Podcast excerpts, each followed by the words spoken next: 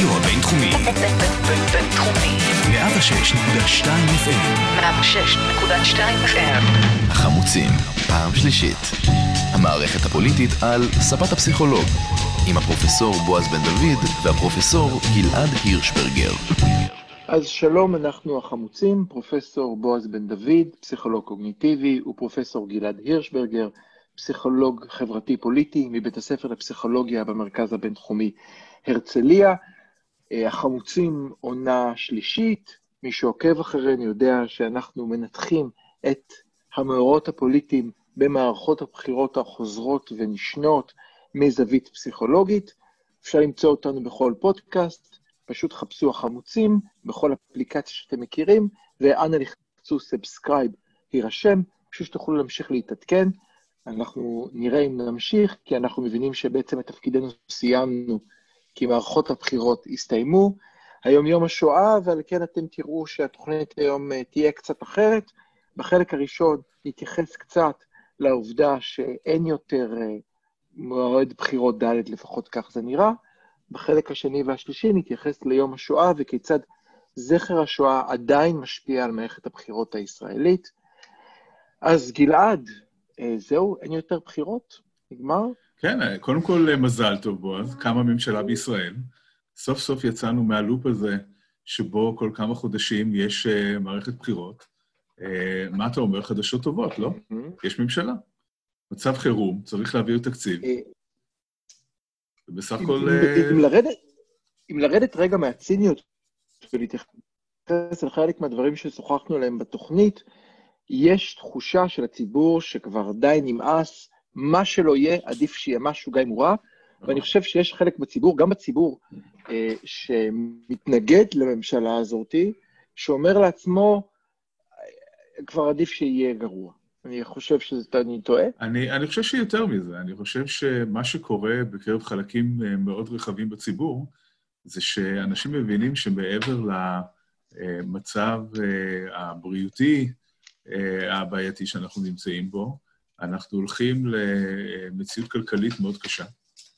ובמציאות כלכלית, במציאות כלכלית קשה, אה, נצטרך ממשלה מתפקדת, שתדע לתת פתרונות, שתדע לעזור לאנשים. אנחנו רק בתחילת המשבר הכלכלי, קורים כאן דברים אה, אה, מאוד קשים כבר בתקופה הזאת, וכנראה שזה ילך ויחריף. והרבה אנשים, גם משמאל וגם מימין, אומרים, די, צריך לתת פתרון לבעיות האקוטיות של עכשיו, ומצב החסה בשטחים יחכה לזמן אחר. אני חושב שקרה כאן משהו מאוד מעניין אה, אצל גנץ. אצל ביבי אנחנו, אני חושב, טוב, בוא נתחיל מההתחלה. אני חושב שיש כאן שני גורמים, שני גורמים לחתונה. אה, זה לא הליכוד, זה רק ביבי. אני חושב שזה שנינו מסכימים. ובצד השני זה גנץ ואשכנזי. אלה שני השותפים שנכנסו לחתונה. תקן אותי אם טועה. אני חושב שהשניהם עבר תהליך. יש כאן משהו מאוד מעניין בחתונה הזאת. יש כאן משהו מאוד מעניין ומטעה, אה, לדעתי, בחתונה הזאת. אה, מצד אוקיי. אחד, יש כאן הסכם לממשלה פריטטית. זאת אומרת, ממשלה שוויונית בין כחול לבן לבין הליכוד, כאשר כחול לבן, צריך, כאן ניתן לומר, או, או, או אפשר לחשוב, שיש כאן דיל מצוין לכחול לבן. כחול לבן בסופו של דבר מגיעים כשבר של מפלגה, הם מגיעים אה, בלי אה, יש עתיד. אה, ובלי תלם. איתם, ובלי תלם, ו- ומצטרף, ו- והעבודה מצטרפת גם בתור רסיס של מפלגה. שני מנדטים. נכון? שני מנדטים. ועדיין מקבלים ממשלה פריטטית. הגוש של כחול לבן מקבל אה, מחצית מהכוח כביכול בממשלה הזאת. אז כאן אפשר לחשוב שאולי גנץ לא כזה נושא ונותן גרוע כמו שחושבים. אני אבל- מרגיש שהאבל בא לפה. יש אבל, יש אבל. אם אה, מסתכלים על ההסכם, אה, לא בכדי רבים הגדירו אותו כהסכם כניעה. מדוע? למה הסכם, למה הסכם כניעה? יש כמה סיבות עיקריות. קודם כל, כל השליטה בנושאים המשפטיים בישראל, החל ממינוי של אה, יועץ משפטי וכל המינויים השונים, אה, אה, ועדת המשפט, כל הדברים שקשורים לעניינים המשפטיים, הם לגמרי בידיים של ליכוד, הם לגמרי בידיים של נתניהו, ובכך נתניהו מבטיח אה, שאי אפשר יהיה לגעת בו. בנוסף, יש גם חסינות לממלא מקום ראש הממשלה, במידה ונגיע בכלל לשלב הזה, כך שאפילו אם הוא לא יהיה ראש ממשלה, הוא אה, זוכה לחסינות. אה, אז, אז למרות שנדמה שהממשלה הזאת היא פריטטית, אה, אנחנו רואים שהכוח עדיין, במיוחד בנושאים החשובים, נשאר בעיניים של הליכוד, ואנחנו גם יודעים במי מדובר. כאן, כאן חשוב לציין דבר שהוא מאוד מרכזי. אנחנו יודעים מהעבר של נתניהו, שבכל פעם שהוא כביכול מחלק כוח לאחרים, זה רק אה, כביכול. הוא תמיד שומר את הכוח בידיים שלו. Mm-hmm. אני לא אוהב להיות נביא, אבל אני מאוד יופתע אם הרוטציה הזאת uh, תצא לפועל. Mm-hmm. אני, mm-hmm. לא יודע איך, אני לא יודע איך הוא mm-hmm. יגרום לזה שזה לא יקרה, כי ההסכם הזה הוא, הוא כביכול מאוד uh, סגור uh, ומסוגר, עם המון ערבונות, אבל אנחנו יודעים, אנחנו מכירים את האיש, ואנחנו יודעים שהוא... יצליח איכשהו להשתחל החוצה מה... לפני, ש, לפני שתמשיך, אני רוצה להגיד עוד משהו שהוא משמעותי כאן. שני דברים משמעותיים, לפני שננסה לנתח את ה... אולי את הצד הפסיכולוגי שעומד מאחורי, כי אנחנו לשמחתנו לא פרשנים פוליטיים. אחד, אה, קשה בעיניי לחשוב על פריטטי כשיבוא, נניח ויבוא היום וגנץ יהיה ראש ממשלה. עומד כראש ממשלה עם 17 מנדטים, נניח וכל, והעבודה באמת הצטרפה אליו ומפלגה אחת ביחד. אז הוא ראש ממשלה של 17 מנדטים, כש-103 ח"כים מתים לראות אותו נופל. נכון. אבל אנחנו לא בעיה... נגיע בכלל לשלב הזה כנראה, אנחנו לא, כנראה לא נגיע לשלב הזה. אני לא חושב שנגיע אליו, אבל, גם, אבל אני חושב שיש כאן... גם בכלל, המבנה של הממשלה הזאת, המבנה של הממשלה הזאת, הוא מתכון לשיתוק. יש כאן, יש כאן לא רק מתכון לשיתוק, אני חושב שיש כאן משהו גם בתפיסה. אתה, כל שר שיעמוד שם ויגיד, אבל אני שר ה-X, אני חזק ויודע, יגידו לשני, אבל בינינו, אנחנו בקואליציה 59 ואתה 17, בוא נדבר על זה. זאת נקודה אחת. נקודה שנייה שמעניינת אותי מאוד, לפני שנחשוב על, על, על העתיד, היא שנתניהו רץ בבחירות האלה עם שני מסרים, אחד, שלושה מסרים, אחד נתניהו, שני נתניהו, שלישי מורשת נתניהו, שזה סיפוח. מה נתניהו קיבל? נתניהו, נתניהו ומורשת נתניהו סיפוח. זאת אומרת, נתניהו קיבל את העבודה. אני, אני מוכרח להגיד שמכל הדברים אה, אה, שקשורים להקמה של הממשלה הזאת, יש נושא אחד שמטריד אותי, וכל שאר הדברים, אפשר לחיות איתם, זה ברור לגמרי שאי אפשר היה להפיל את נתניהו, ברור שנתניהו ניצח כאן בנוקאוט ברגע שהוא הצליח לפרק את כחול לבן. בשנייה הזאת הוא זכה להרבה כוח, גם הסקרים מראים שהכוח שלו עולה. סקרים וסקרים. זאת אומרת אוקיי. שנתניהו הבין שהוא ניצח. אבל, אה, אז, אז יש כאן המון פרטים לגבי ההסכם שאפילו הייתי נכנס אליהם כי הם לא כל כך חשובים. לא, זמן אין קצר. יש נקודה אחת שהיא חשובה, אה, וכאן הקנייה המרכזית של גנץ, ההסכמה על קידום uh, הסיפוח. יש לציין שבהסכם, ואני לא משפטן, אז אני באמת לא יודע uh, לפרש את זה, אבל נדמה לי שזה כתוב בצורה די זהירה, זאת אומרת, uh, כן רוצים לקדם סיפוח, אבל כתוב במפורש בהסכמה uh, ובמשא ומתן עם האמריקאים.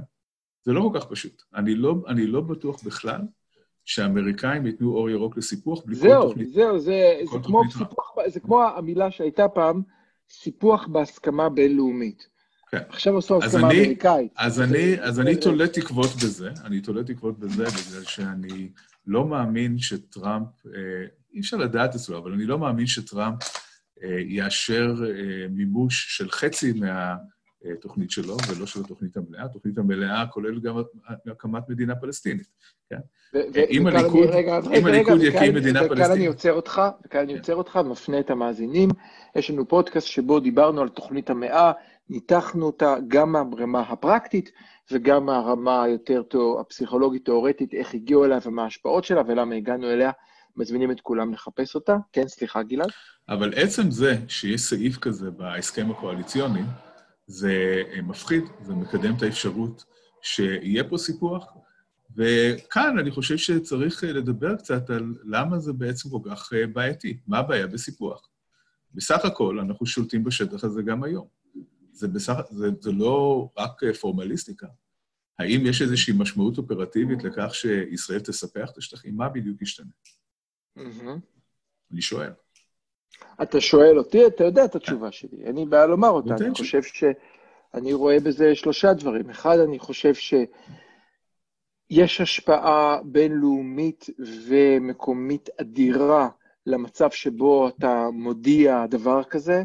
שתיים, זה פותח פתח לסיפוח של שתיים וחצי מיליון פלסטינים, ואז צריך להחליט עוד, אנחנו כבר דיברנו דש מזה הרבה, נכון. או דמוקרטיה. אבל ההבדל, ההבדל או- בין החזקה של השטחים כפיקדון למשא ומתן אה, עתידי, ישראל הצליחה אה, לגרור אה, עד היום, בכך שהיא אמרה, אנחנו לא מתנגדים לשלום עם הפלסטינים, אבל אין פרטנר. ברגע שאנחנו מספחים את השטחים, זאת כבר אמירה אחרת, זאת כבר אמירה שאנחנו רואים את השטח הזה כשטח שלנו, ואז המצב, ואז המצב אה, המשטרי בישראל, כן, בעצם המהות של ישראל כמדינה דמוקרטית מתערער, אנחנו יותר לא מדינה דמוקרטית, אנחנו מדינה שחלק מתושביה, יש להם אה, זכויות פחותות מאשר אה, לתושבים אחרים. זאת אומרת, יש כאן אה, אני רוצה, שני כאן, אני רוצה מעמדות כאן לעצור אותך. אני רוצה כאן לעצור אותך, ואני. רוצה להמשיך את הנקודה הזאת. מה שניסיתי לומר קודם, אני חושב שאם אנחנו מנסים לנתח את המהלך של, ה, של השבועיים האחרונים שבסופם נחתם ההסכם אחרי ההתלבטות והחזרה קדימה אחורנית, אני חושב שאי אפשר בלי לדבר על ערבים. חושב שיש שני דברים, שני דברים מאוד משמעותיים כאן.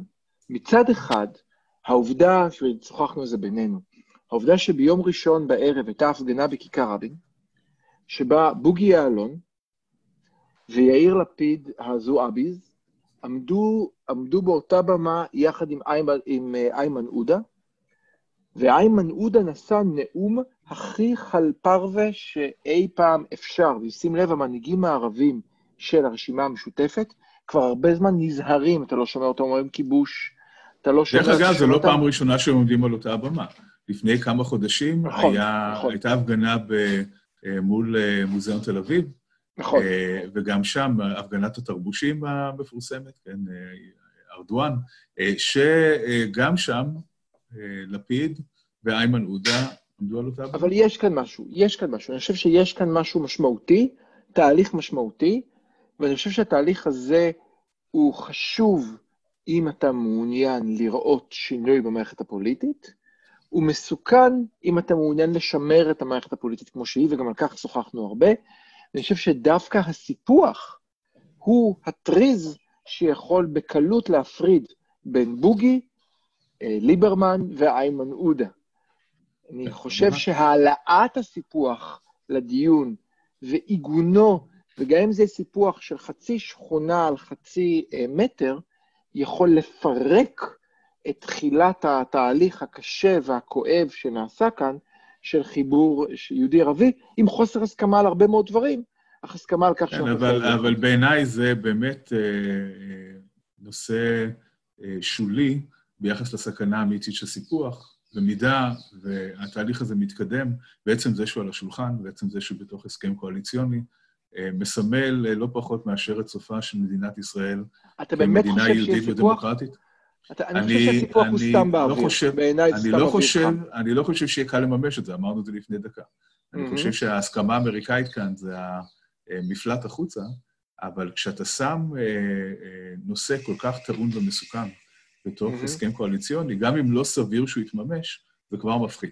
כן, זה כמו... זה לא כמו אה, להגיד אה, ישראל פניה לשלום ונתקדם בנושא השלום כשברור שלא יקרה כלום?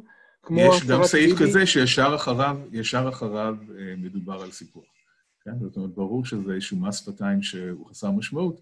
גם ברור שסיפוח זה לא דבר שפשוט לממש אותו. זה לא סתם מס שפתיים כמו- שמטרתו... אתה יודע, סיפוח זה קצת כמו מלחמה גרעינית, זה לא משהו שאתה חושב שיקרה, אבל אם מישהו שם על השולחן את הפוטבול, כן, שיש ב- לנשיא ארצות הברית, ופותח את הלחצן שרק צריך ללחוץ עליו כדי לשגר טיל, אז אתה אומר, אוקיי, כנראה שאנשים שפויים ולא ילחצו על הלחצ- על הלחצן הזה, אבל עצם זה שהוא על השולחן, ועצם זה שאפשר ללחוץ עליו, זה כבר מפחיד, כי הוא אף פעם לא היה שם. אז אני רוצה לומר בזמן הקצרצר שנשאר לנו את אה, חצי דקת הסיכום שלי למהלך.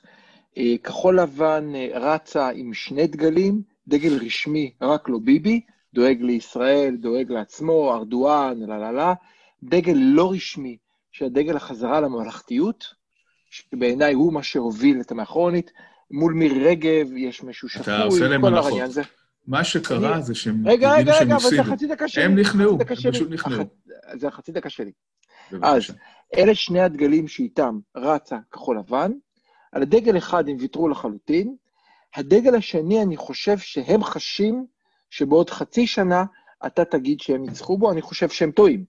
אבל אני חושב שהתחושה שלהם, ואני אצטט כאן את גנץ, כשאתם תראו את ואת- בשר התרבות, אתם תירגעו. אני חושב שהשגיאה היא, שהמחשבה שלנו, שהם ירגיעו אותנו, את ההמון, בכך ששר המשפטים ושר התרבות ושר המדע יהיו אנשים אה, יותר מקובלים ויותר אפשר להגיד. משהו בצורה מאוד פשוטה?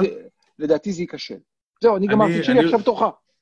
אני, אה, אני חושב שבמידה ונתניהו לא היה עומד בפני שלושה כתבי אישום, הממשלה הזאת הייתה ממשלה הכרחית, והיא באמת הייתה עושה עבודה מאוד חשובה. במציאות הנוכחית, במשבר הנוכחי, עצם זה שאפשר אה, להעביר חוקים, לנהל תקציב, להקצות אה, משאבים, זה מאוד מאוד חשוב, זה יותר חשוב כמעט מכל דבר אחר. אבל יש עוד דבר אחד שהוא קצת יותר חשוב, וזה שימור, אחרון. וזה שימור של המשטר במדינת ישראל כמשטר אה, דמוקרטי, כמדינת חוק. עצם זה שכחול לבן ויתרו על, ה, על הדבר המרכזי שהם, אה, אה, הטיקט המרכזי שלהם, שזה שאי אפשר לשבת תחת ראש ממשלה עם כתבי אישום, שלא ייתכן דבר כזה. עצם זה שהם ויתרו על זה, זו סכנה למדינה שהיא לא פחות גדולה מהמשבר הכלכלי שאנחנו ניצבים בו. אוקיי, אז אנחנו uh, מסכמים את החלק הזה. Uh, ניסינו קצת להבין את uh, תוצאות מערכת הבחירות, להבין איך, איך הגענו אל הממשלה הזו. Uh, מיד אחרי השיר אנחנו נחזור אליכם בשני קטעים שבהם נתייחס באופן ישיר ליום שאנחנו נמצאים בו היום, יום השואה, וכיצד זכר השואה מתחבר אל הפוליטיקה הישראלית גם ממש עכשיו, מיד אחרי השיר.